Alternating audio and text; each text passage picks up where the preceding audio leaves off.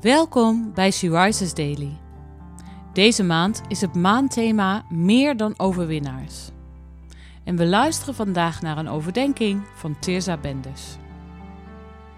We lezen uit de Bijbel Jesaja 53, vers 4 tot 6. Voorwaar, onze ziekten heeft Hij op zich genomen. Onze smarten heeft Hij gedragen. Wij hielden Hem echter voor een geplaagde, door God geslagen en verdrukt. Maar Hij is om onze overtredingen verwond, om onze ongerechtigheden verbrijzeld. De straf die ons de vrede aanbrengt, was op Hem. En door Zijn striemen is er voor ons genezing gekomen. Wij dwaalden allen als schapen. Wij keerden ons ieder naar zijn eigen weg. Maar de Heere heeft de ongerechtigheid van ons allen op hem doen neerkomen. Wat een troostrijke gedachte. Dat we een God hebben die bekend is met lijden en pijn. De Heer Jezus hoefde zichzelf niet zo te vernederen, niet zo klein en menselijk te worden. Maar desondanks koos Hij ervoor om een mens te worden. Zelfs niet aantrekkelijk om te zien. Zo staat het in Jesaja 22, vers 14. Wanneer wij lichamelijke of geestelijke pijn ervaren, mogen we troost vinden bij Jezus.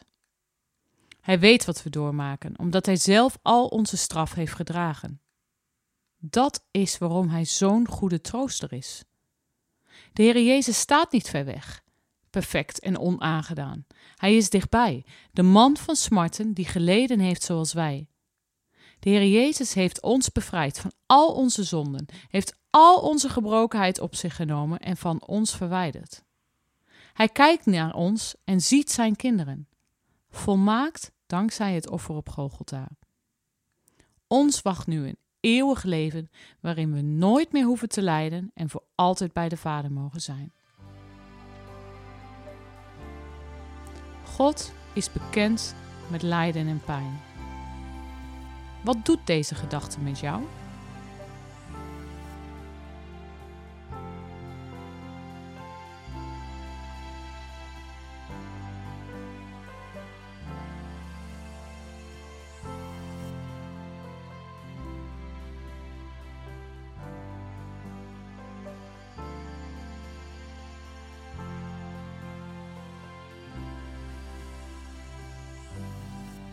Zullen we samen bidden? Heer Jezus, dank u dat u bekend bent met verachting, pijn en lijden. Dank u dat u dichtbij bent wanneer ik hetzelfde meemaak. Dank u dat u het allemaal voor mij gedragen heeft, dat ik vrij en in vrede met u mag leven door uw genade. Amen. Je luisterde naar een podcast van Sea Rises. She Rises is een platform dat vrouwen wil bemoedigen en inspireren in een relatie met God.